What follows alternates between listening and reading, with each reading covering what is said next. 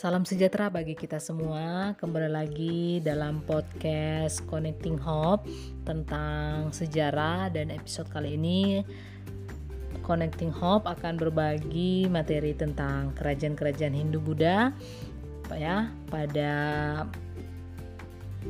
episode ini adalah kerajaan Kalingga yang pertama. Seorang pemimpin di kerajaan Kalingga namanya Ratu Sima yang adalah penguasa di kerajaan Kalingga. Ia digambarkan sebagai seorang pemimpin wanita yang tegas dan taat terhadap peraturan yang berlaku dalam kerajaan itu. Kerajaan Kalingga atau Holing diperkirakan terletak di Jawa bagian tengah. Namun Kalingga berasal dari Kalinga, nama sebuah kerajaan di India Selatan.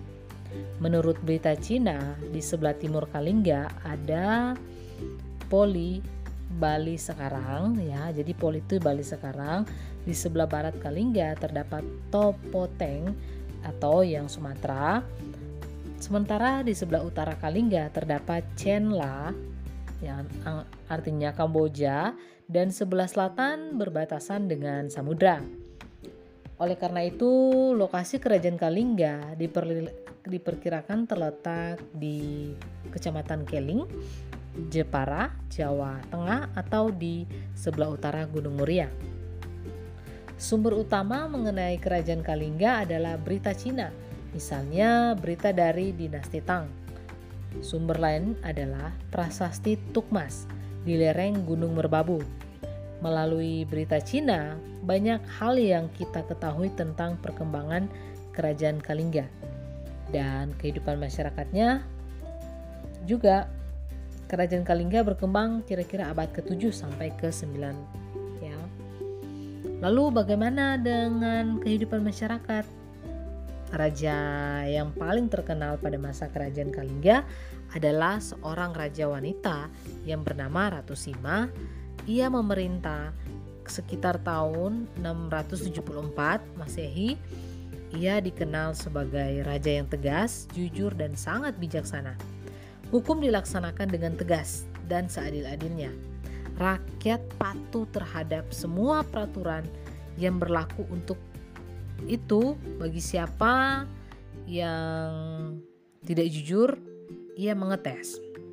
Jadi untuk mengetes untuk mencoba kejujuran rakyatnya Ratu Sima pernah mencobanya dengan cara meletakkan pundi-pundi di tengah jalan.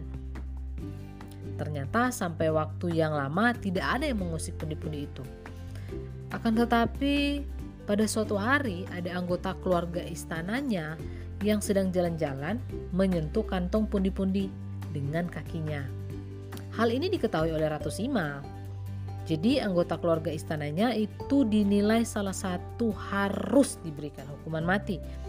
Akan tetapi atas usul persidangan para menteri, hukuman itu diperingatan, diperingan, jadi maksudnya diringankan dengan hukuman potong kaki. Wow, mengerikan ya.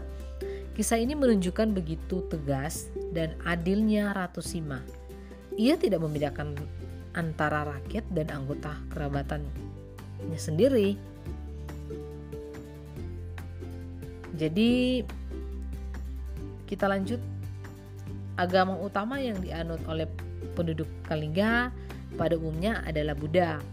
Agama Buddha berkembang pesat.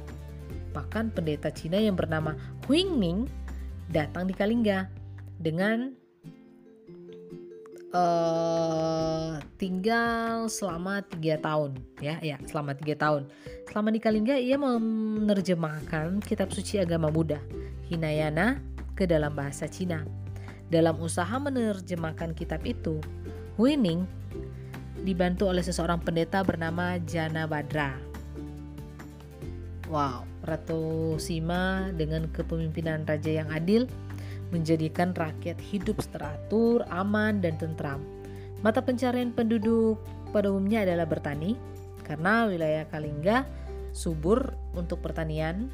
Di samping itu, penduduk yang melakukan perdagangan dan kerajaan Kalingga mengalami kemunduran kemungkinan akibat serangan Sriwijaya yang menguasai perdagangan.